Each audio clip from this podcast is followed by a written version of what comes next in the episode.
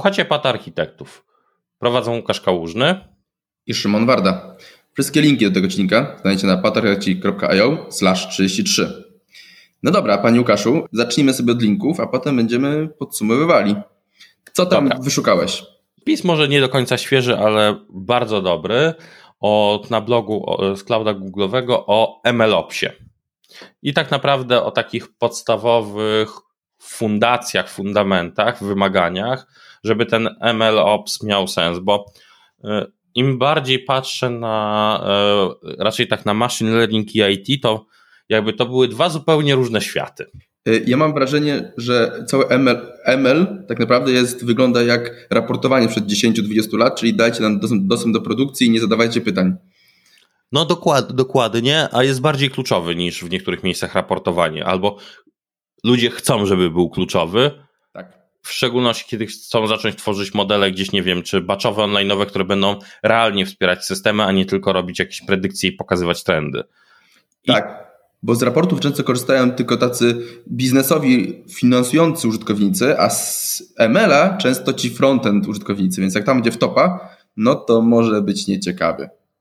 Więc dokładnie, ja mam trochę podejście, że jeżeli tworzysz kod, to obowiązują cię tam te same zasady jak cały kod w IT. Mam dokładnie tą samą pretensję gdzieś do no, no code'ów, low code'ów tych rozwiązań, że one nie mają cyklu życia. I to też dobrze pokazuje takie rzeczy, że oprócz na przykład MLOpsa, oprócz continuous integration pojawia się pojęcie czy continuous trainingu, czy walidacji danych, czy rzecz, która, testowania tak samo, tylko, ale pojawia się też jedna piękna rzecz, o której ludzie na przykład nie mówią, czyli audytowalności, rozliczalności tego, co robimy potem, jak to odpalamy.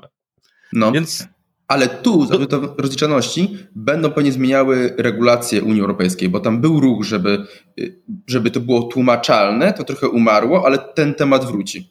Yy, wrócił tak jak nagrywamy, e, nasz kraj, e, nasi wysłannicy zablokowali to przez słowo gender teraz, wetują, próbują zawetować tę inicjatywę, bo znajduje się tam e, gender bias czy coś takiego, ale nie kontynuujmy tego nie, tematu. Nie, baga mnie polityka. Dobra, a co po twojej stronie? Po mojej stronie kontynuacja tematu, który już raz mówiłem, mianowicie cały trend w jaki sposób rozliczać chmurę. I tu wysunął się całkiem ciekawy wpis i produkt od Spotify'a. Spotify, jak wiemy, generalnie chodzi na Google Cloudzie i Spotify ma mm, cały produkt Backstage.io, który co ważne jest w CNCF-ie, więc to nie jest coś, co już, mają. Już w CNCF-ie. Tak, już w CNCF-ie. Jest oczywiście pewnie na GitHubie i tak dalej, i tak dalej, ale co zrobili? To jest taka platforma, gdzie oni obserwują swoje systemy, można mm, przez system pluginów dodawać różne możliwości i teraz dodali bardzo ciekawy plugin do rozliczalności kosztów chmury. I tam jest o. kilka rzeczy takich ciekawych. Yy, Pryskim Graph generalnie do monitorowania kost, kosztów ko, kontra biznesu, czyli które procesy kosztują. Wcześniej mówiliśmy o tym w kontekście generalnie ML, ML-a i yy, OPSów, a teraz mówimy w kontekście procesów biznesowych. I to jest super. Kolejne, dodali jako KPI dla zespołu, czy koszty chmurowe zespołu są poniżej założeń biznesowych fenomenalne. Naprawdę super. Wiesz co, ja na backstage jeszcze z innego, bo ja backstage'a śledzę już trochę czasu, y, trochę mhm. z innego powodu, jako dość ciekawy serwis katalog. Tak, też to mają, no y, naprawdę. I to, bo to był i taki z tego to wyrosło, z serwis katalogu i takich dashboardów operacyjnych, z tego, od tego się tam zaczęło, tych service definition i y, serwis katalogu.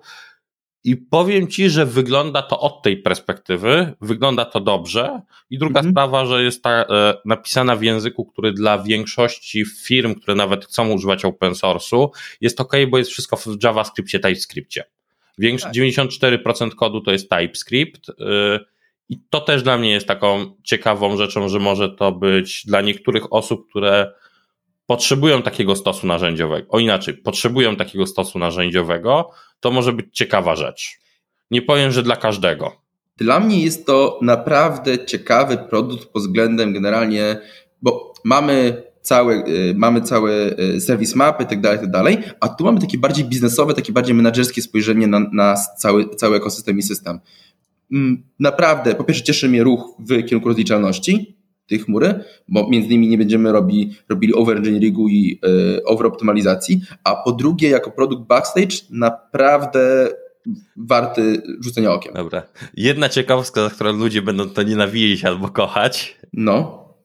Opis y, tego, opis komponentów, na przykład API i innych rzeczy, to są YAMLe, w specy- ale raczej YAML, ja się śmieję, że YAML. Chodzi o format zapisu kontraktu. Jest kubernetesowy, czyli jest jak e, Custom Resource Definition z Kubernetesa. Jest API version, kind, metadane, specka. To już powoli będzie standardem generalnie. Ja, ja się śmieję, ale dla, dlatego widziałem już to coraz częściej się pojawia sposób taki opisu konfiguracji, tylko się śmieję, że dlatego niektórzy mogą go hejtować, bo przypomina coś Kubernetesa. Dobra. Nie, niech się przyzwyczają. Lecimy do naszego głównego tematu.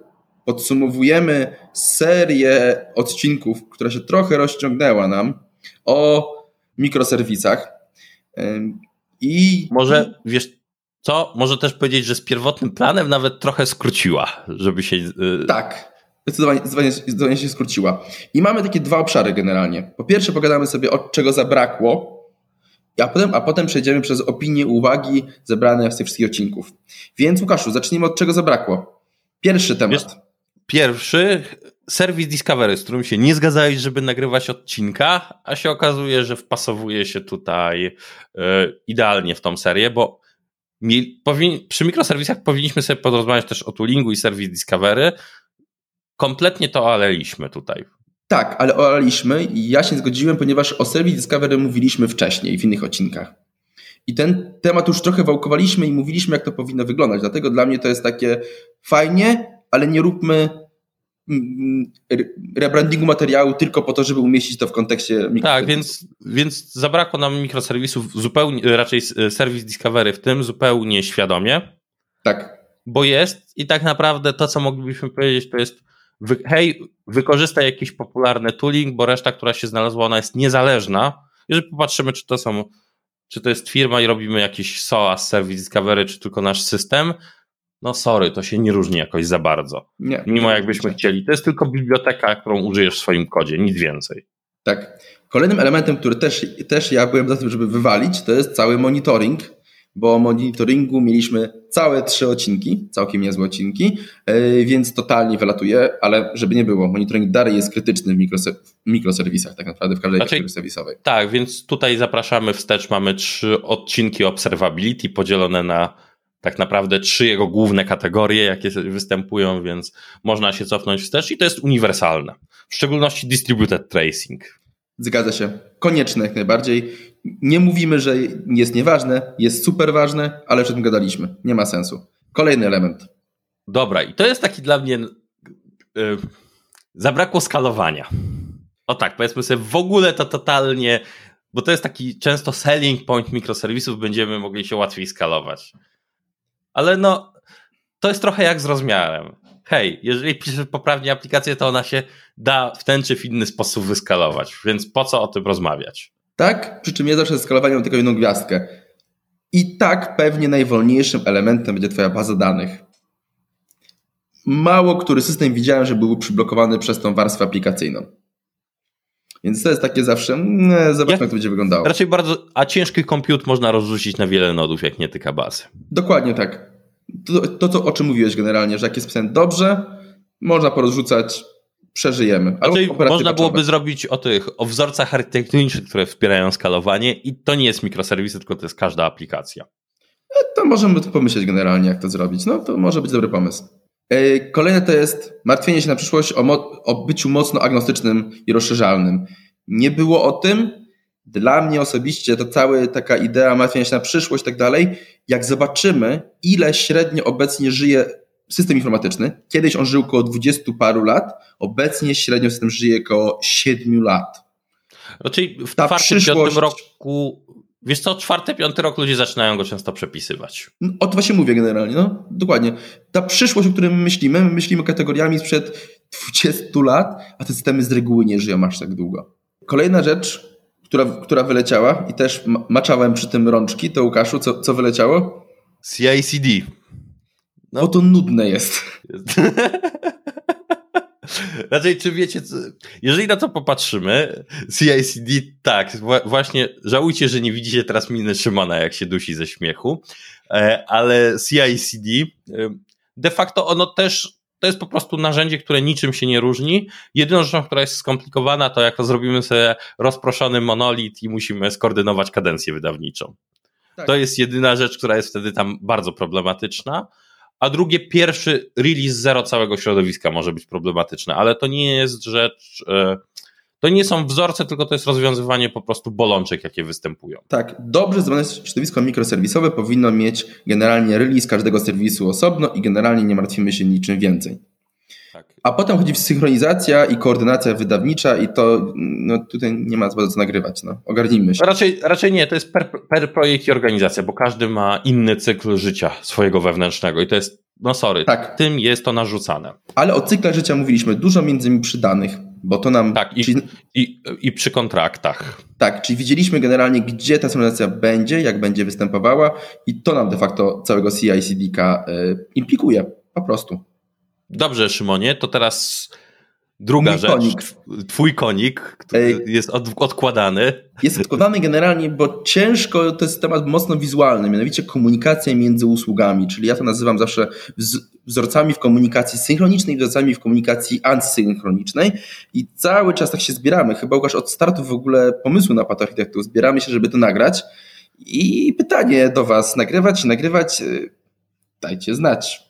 Tak, a samo czemu tutaj zabrakło? Znowu to nie jest rzecz w ogóle mikroserwisowa. To jest uniwers komunikacja jest zupełnie e, uniwersalna. Zresztą trochę o komunikacji było, bo też zobacz, że mieliśmy cały odcinek poświęcony circuit breakerowi. Tak, który powoli wciskam to, to, to, pojęcie do twojej głowy i powoli się udaje. Tak, tak. Nie jest to keep it simple stupid, więc masz problemy z tym. Dobra. tak. Czyli tak, komunikacja podsumowując, ona jest niezależna od systemu. Ona istnieje. Po prostu w mikroserwisach mamy jej y, więcej. Mamy jej wewnątrz. Dokładnie. Zamiast wołać do modułów jak w monolicie. Ja mam wrażenie, że przez problemy w mikroserwisach te wzorce projektowe, wzorce w komunikacji nagle przypomnieliśmy sobie o nich i to są dużo nowych nazw, więc hype train w tym kierunku poszedł. Bywa, no, tak jest. No, dokładnie. Łukasz, ostatnie. Organizacja pracy, to bo to jest taka e, ciekawa rzecz, bo zdarza nam się to poruszać, a mikroserwisy niby narzucają, że może przydałby się tak zagłębić ten temat, zobaczyć o co chodzi, jak to poukładać. E, I w wielu pewnie odcinkach mogli zobaczyć, mogliście zacząć, że gdzieś tam do tego piliśmy, pokazywaliśmy to, e, coś tam robiliśmy, stryczki rzucaliśmy. Ale de facto jest jedna istotna rzecz, którą już przy, o mikroserwisach sobie trochę powiedzieliśmy, bo zwykle jeżeli mamy mikroserwisy, to mamy agile na sztandarach. No wiadomo. Zazwyczaj. I był taki ciekawy odcinek, pierwszy zresztą, w kontekście architektury. Dlatego też to pozostawiliśmy i pierwszy nasz odcinek właśnie był Agile versus architektura. I tam troszeczkę można znaleźć pewnych rzeczy, które pewnie z naszej perspektywy, jakbyśmy nagrywali, pewnie by się nie zmieniły za bardzo, bo nadal te nasze przekonania są tam aktualne. Tak, ale w ogóle organizacja pracy to jest taki motyw, który nie robimy odcinka, ale my, to jest temat, który poruszamy w większości odcinków. Znowu o danych, o kontraktach, o, o, repo, o repo. Nawet o repozytoriach. Tak, więc jest, ale żeby cały odcinek o tym zrobić, to jest bardzo specyficzne per organizacja tak naprawdę.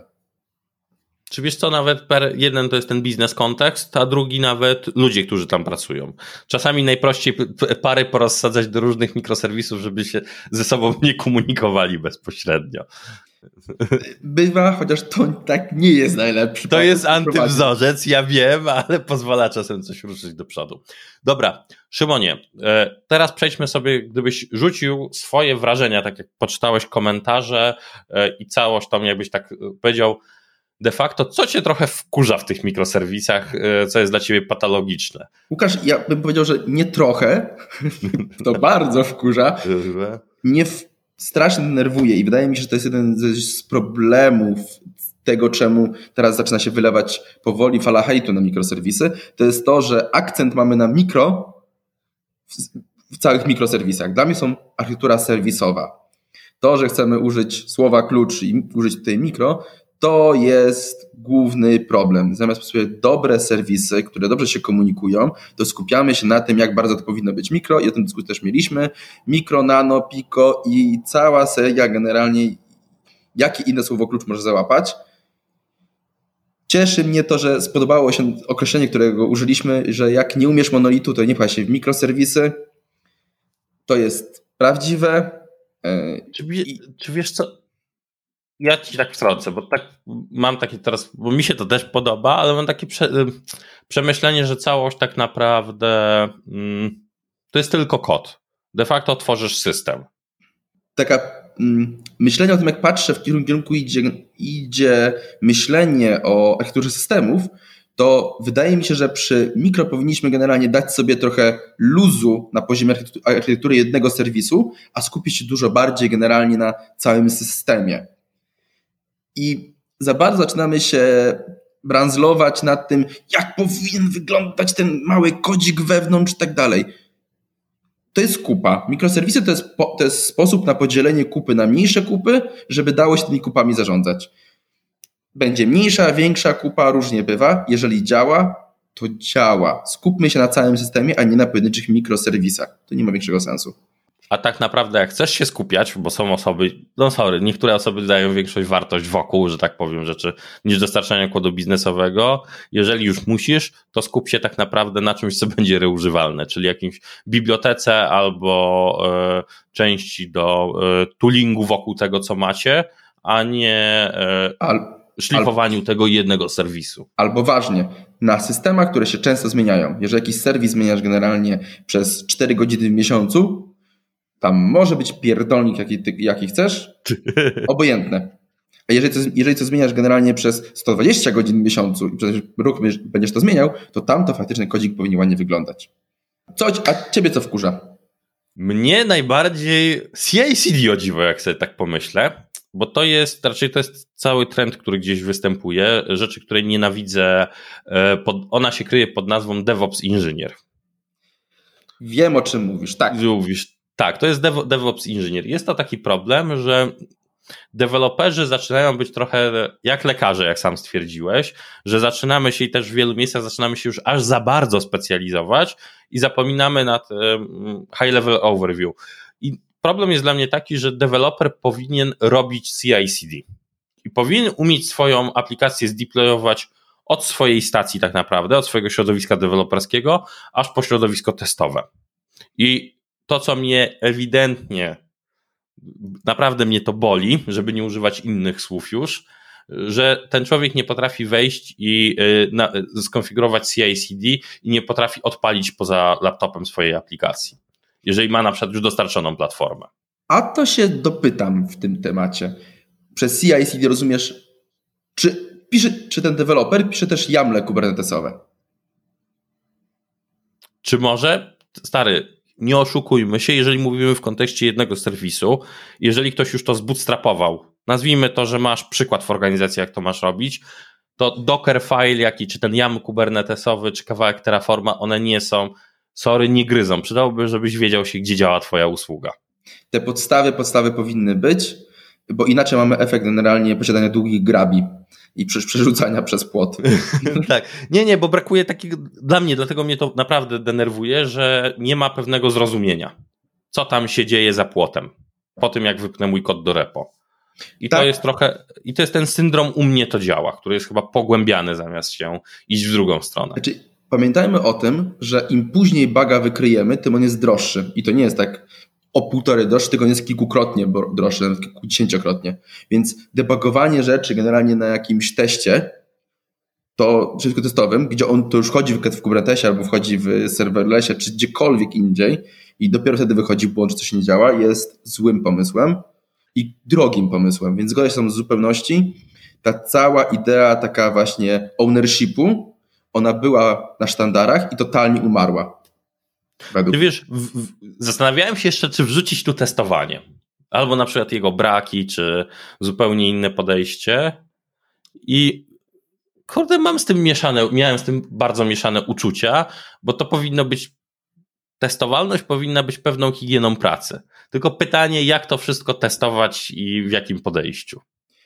A ja na to mam dość, dość prostą odpowiedź. Jak bardzo będzie cię bolała dupa, jak to wybuchnie? Proste.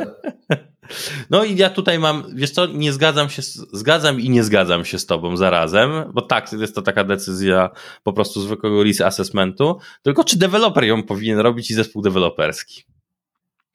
Yy, tak, jeżeli będziesz dobrze ten zespół deweloperski napychał i dawał feedback generalnie z błędami z produkcji, jeżeli nie, nie będą ignorowane i po prostu są te erory, proszę naprawić. Ma nie rzucać errorami i proszę to zrobić. Jak nagle zaczniesz to robić, to nagle okazuje się, że monitoring jest przydatny, nagle logi zaczynają ładnie wyglądać, nagle I kurczaki da się zrobić. I, i, I, słuchaj, i tutaj trafiasz do czego, co nie chciałem w ogóle mówić, czyli yy, takie bardzo stare z 2006-2007 słowa, you build it, you run it. Tak, to właśnie, i, to jest, i wiesz, to jest takie pytanie właśnie, bo ten DevOps to powinna być yy, współpraca w ogóle. Czyli jak popatrzymy mikroserwisy, to DevOps jest taką rzeczą bardzo często jako praktyka powinna występować, nazwijmy to, tylko ludzi zapomnieli, że tam jest dev i ops. Tak, Nawet na tej, na tej całości, więc no to jest, zostawmy to jako wkurzające mnie brak podejścia do CI/CD, w szczególności od strony osób, które wytwarzają ten kod. No, tu bym się zupełnie Dobra, dobra e, Szymonie, bo zadaliśmy na social mediach pierwszy raz pato, pato pytanie odnośnie e, co cię, co cię wkurza, co ci się podoba, e, o czym ludzie nie mówią e, w ramach mikroserwisów. E, I wybraliśmy sobie dla nas najciekawsze komentarze. Jakbyś, Szymonie, zaczął od tego tobie, co wpadło w oczy? To, co mi się przewija w komentarzach, to jest dużo uwag o tym, że nie poruszaliśmy tematu serverlessa. Ponownie, serverless był, tylko w poprzednich odcinkach. Ja myślę, że słusznie, bo serverless zdejmuje bardzo dużo, bardzo dużo problemów z mikroserwisami. Oczywiście nowe wprowadza. Ponownie, stare odcinki, to się, tu się niewiele zmieniło. I ja się z tym zupełnie zgodzę. Nie ma tego, świadomie pominięte, bo bardziej skupiliśmy się na ogólnych problemach, bo większość rzeczy, o których mówiliśmy, dalej zostają. I tyle praktycznie. Świadome pominięcie, jak najbardziej. Co u Ciebie, Łukaszu? Wiesz co, mi się tak... Yy całość podoba, że dojrzewamy, bo praktycznie nic nie było o narzędziach. Było o technikach. O technikach i technikach i bolączkach, czyli był taki fajny, był feedback, a tam praktycznie chyba poza takim serverlessem, nie było. Jak sobie popatrzę, no. e, był jeden tam, był jeden, e, był jeden e, komentarz, chyba Marcin Wojtczuk, gdzie tutaj tak, tak. Bardzo fajne określenie, chyba za dużo z Java miał wspólnego, w sensie negatywnym. Spring Boot jebnąć prądem. To jedyny komentarz, który gdzieś narzędzia tak jawnie wskazuje po całości, więc to mnie cieszy, że było bardziej o, albo było o hypie, czyli ten hype CV-driven developmentie i hypie, bo przyszedłem z konferencji, albo właśnie to, co powiedzieliśmy o dojrzałych rzeczach i Proszę. problemach, które są realnie. Może dlatego, że w tym roku konferencji za bardzo nie było. Nie było? Ty. To jest ciekawa analiza rynku. Mam dzisiaj dobry dzień. Dzień, dobra. Dobra, to ja się teraz wtrącę generalnie z komentarzem od e, Radka Maziarka.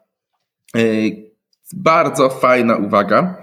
Trochę w kontekście tego, co pomyliśmy świadomie, e, co się zbieramy, a mianowicie komunikacji, że jak, wygląda, jak wygląda komunikacja między serwisami, jak to jest przemyślane, jak wygląda komunikacja na poziomie technicznym, to jest bardzo, bardzo istotne, i na poziomie biznesowym, i że to jest często omijane, i że tu jest często ta pięta Achillesa, jeżeli chodzi o podział systemów na architekturę serwisową. Już nawet pomijam tutaj mikro, bo to, to, to już uniwersalne jest.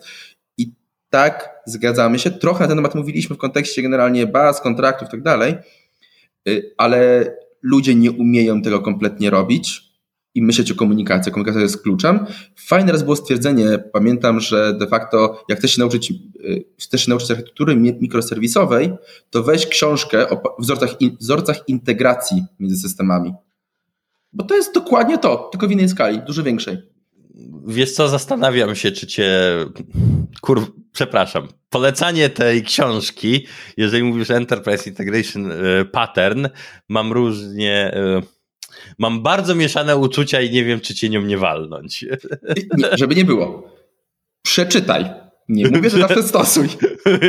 Przeczytaj. No, bo wiesz, za, za to przyjadę do ciebie z tą książką. Yy, nie, nie, musisz z nią przyjeżdżać, nie warto. Yy, bo to jest tak, bo przeczytaj, tam dużo tej wiedzy jest. To, czy stosować niektórą rzeczy, które nie stosować, to jest zupełnie inna bajka, ale świadomość, że pewne rzeczy były, ponownie, nie wymyślajmy wszystkiego ciągle. Znaczy, może inaczej, y, popatrz na wzorce i pamiętaj, że tamta książka była podpisana pod ciężkie ESB. Zgadza się, więc trzeba to odchudzić. Jak najbardziej tak. To, to jest ta gwiazdka, którą trzeba jak najbardziej mieć, myśląc, myśląc o wzorcach projektowych w akturze serwisowej. Lżejszej, nazwijmy to tak. Dobra. Z mojej strony komentarz Michała Franca, który mi się spodobał i bardzo słusznie. Mnie nic nie wkurza, ale bardzo dobrze zauważył to, co mnie akurat wkurza, czyli że trzeba okiełznać DevOpsa. Tak. I to nie jest, e, że to nie jest, i sorry, to nie jest po prostu no go. Musisz to zrobić i koniec, nie ma.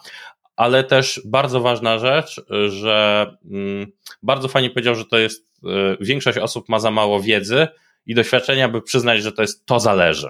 To mi się spodobało w tym komentarzu i podejściu, bo Michał właśnie powiedział, każda osoba, która nadmiernie chwali albo nadmiernie hertuje ten kierunek, ma po prostu za mało wiedzy i doświadczenia, by przyznać, że to zależy.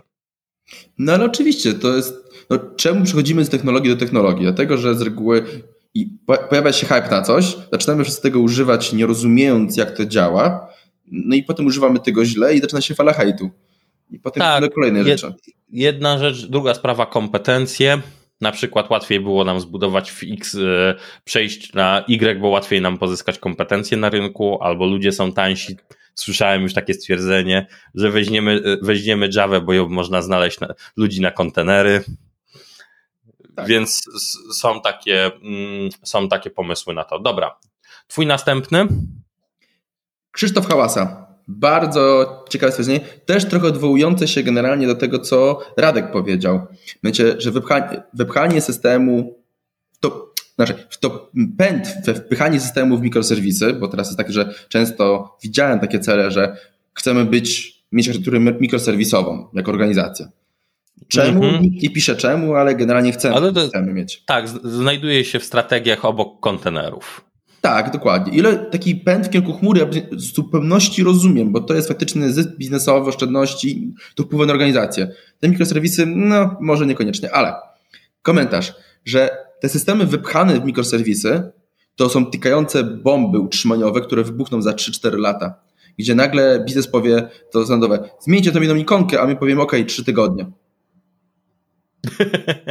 Bo tak będzie generalnie, ponieważ te granice są złe, są źle zbudowane, niektóre systemy nie powinny być podzielone po prostu. Czy wiesz co, ja, a ja widzę, y, to nazwę to patologią, że bardzo często przez ten cały hype y, software house'y próbują w ten sposób y, zamiast zbudować coś, od razu mówią, że zbudujemy ci mikroserwisowe i rachunek za bilowanie godzin, bo bardzo często są w, w time material, żeby ryzyko przelać na e, klienta Wiadomo. Że e, jest budowany system i architektura, o której powinien zdecydować klient, a nie e, dostawca.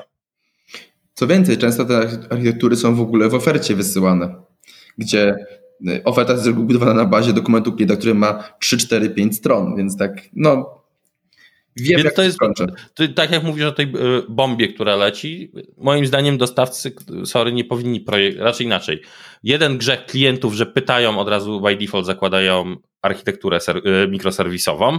Tak. W ogóle nie podchodząc. Jeżeli ktoś zakłada i na przykład chciałby sorsować cię do napisania serwisu czy przygotowania pod to platformy, backgroundu, to jest super. Ale jeżeli zakłada, że bez analizy cały system jest mikroserwisowy, no to jest y, ciekawa rzecz. I drugi grzech, to jest tak naprawdę dostawców softu, raczej software house'ów, bo nie oszukujmy się, mhm. e, że chodzi o to, że dostarczają te mikroserwisy na siłę, bo będzie łatwiej rozwijalne, skalowalne i lecimy całym e, bullshit trainem z e, konferencji. Tak, tak, tak, tak, tak, tak. Niestety. No to są bomby. One wybuchną za jakiś czas i będzie ciekawie, bym powiedział. Dobrze, Łukaszu, co u ciebie? E, ostatni komentarz, który mi tak wpadł, bo wpadło dużo, ale żeby też nie przedłużać, ostatni, który mi wpadł, to Bartłomiej Klimczak e, i dość fajnie wspomniał, czym tak naprawdę są mikroserwisy. I czy rzeczywiście chodzi, by było można je przepisać w dwa tygodnie. No i to jest dobre. Wspomniał jeszcze tak naprawdę o modularnym monolicie i e, problemach z komunikacją i monitoringiem, bo to jest standardowy problem. Ale właśnie, czym tak naprawdę są te mikroserwisy i czy rzeczywiście musimy to przepisać dwa co dwa tygodnie? Sorry, przepraszam, zadam ci tak pytanie. No. Ile razy spotkałeś się z tym, że zrealizowano to w ciągu pierwszego roku życia przepisywanie mikroserwisu od zera? Jakiejś yy, yy, części, że była skasowana i wstawiamy nowy, albo nawet w innej zero. technologii. Okrągłe zero. I, yy, była by, widziałem wymianki na, gotow, na gotowe systemy, jak najbardziej tak. Ale żeby customa przerobić na, kolejny, na swojego customa, nie. Żeby tak będzie od zera, a nie zrobić na factoringu. Bo z reguły, sorry, nie mamy aż tak super, ta, ten poziom wiedzy o tym, jak ten serwis powinien wyglądać, on idzie falami. To nie jest tak, że nagle budzimy się i zeszło z nieba, już teraz wiem, jak to powinno wyglądać. Nie, to z reguły idzie, idzie falami i z reguły to idzie przez refactoringi po prostu. Wiesz co, tak, i to właśnie ja też to najczęściej widuję. Raczej, czy widziałem zamiany? Inaczej. Widziałem, że w cyklu życia coś zostało wygaszone. To kilka razy, jak I, najbardziej. I to jest właśnie najciekawsze, bo to jest piękno wtedy tego, tej architektury, że zmieniały się wymagania biznesowe i nikt tego nie refaktorował, tylko po, zaczął po prostu pisać nową, e, nową usługę. A część kodu zrobił e, amazonowanego copy-paste'a. Y, tylko tych rzeczy, które potrzebował, ale zaczął tworzyć w ogóle znowu od nowa, znowu nową usługę, która już będzie dostosowana do nowych realiów, zamiast refaktorować stare. I takie rzeczy się zdarzają i tu jest zajebista wartość tego, jeżeli zrobimy to poprawnie. Tak, ale znowu, to jest która serwisowa. Serwisowa, tak. To mikro nie musi być. To nie musi być wcale w temacie tego zespołu od pizzy dwa tygodnie. Mi się przypomina y, temat, który rzuciłeś nie wiem, chyba dwa temu, że to wszystko wynika z tego, żeby po prostu, że jeżeli zespół jest mały i krótko wytwarzał, to można łatwo go zamienić na inny. Że to jest no. traktowanie no. tych deweloperów jako taki po prostu jak prąd, jak commodity. Tak. Commodity, tak. No dobra. Yy, wrapujemy. No to, no to wrapujemy. Co ciebie ucieszyło? Wiesz co? Yy, ogólnie mało narzędzi, bo nie było w tych w komentarzach, może inaczej, patrząc się na całe komentarze, znowu się powtórzę, tu nie było stricte ktoś poza jednym tym Spring Bootem, nie padały narzędzia, ale padały rzeczy z poziomu tak naprawdę organizacji architektury. No i naprawdę ja się aż łezka w oku się kręci, jestem dumny z naszych słuchaczy. Znaczy, nie, było, nie było narzędzi, mimo że sami też mocno poruszaliśmy w niektórych miejscach. Nie no, bo gdzie niegdzie narzędzia sporo zmieniają, ale to nie jest, że zaczyna, zaczynamy od młotka i potem myślimy, gdzie go użyć. Zupełnie Dobra. się zgodzę. A co po twojej stronie? Po moje przemyślenie bardziej takie, bo widzę, że zaczyna się fala, taka powolna fala hejtu w kierunku mikroserwisów, bo tak wygląda cykl życia każdej technologii. Co mnie dziwi, to na horyzoncie nie widzę niczego kolejnego. I... E, wiesz co, bo, równo, bo równocześnie był hypowany serverless, który jest też de facto wariantem e, e, architektury serwisowej. Tylko nazwijmy takiej funkcyjnej. Tak, i te tematy generalnie tak naprawdę stoją w miejscu przez ostatni rok. Jak nie dłużej. Dochodzimy do momentu racjonalizacji pewnych rzeczy. Bardzo mnie ciekawi właśnie to, że w kontekście serverlessa, to o czym gadaliśmy jeszcze przed nagraniem, to, że ten, w którym kierunku iść, czy się serverlessa, czy Kubernetesa i tak dalej, po roku te odpowiedzi dalej nie mamy. To dalej jest dokładnie w tym samym miejscu, w którym było tak naprawdę. Ciekawe. Dwa koegzystujące, fala hejtu się powoli wylewa, nic na horyzoncie. No, może to jest finalna architektura systemów, jaką będziemy mieli. Ktoś coś wymyśli. Potem, dojdziemy, potem pójdziemy do quantum computingu i odkryjemy świat na nowo. Tak, odkryjemy monolit generalnie na nowo. Na nowo. Dobrze. Kończymy, Łukaszu, chyba. Kończymy. Na razie. Dobra, na razie. Trzymajcie się.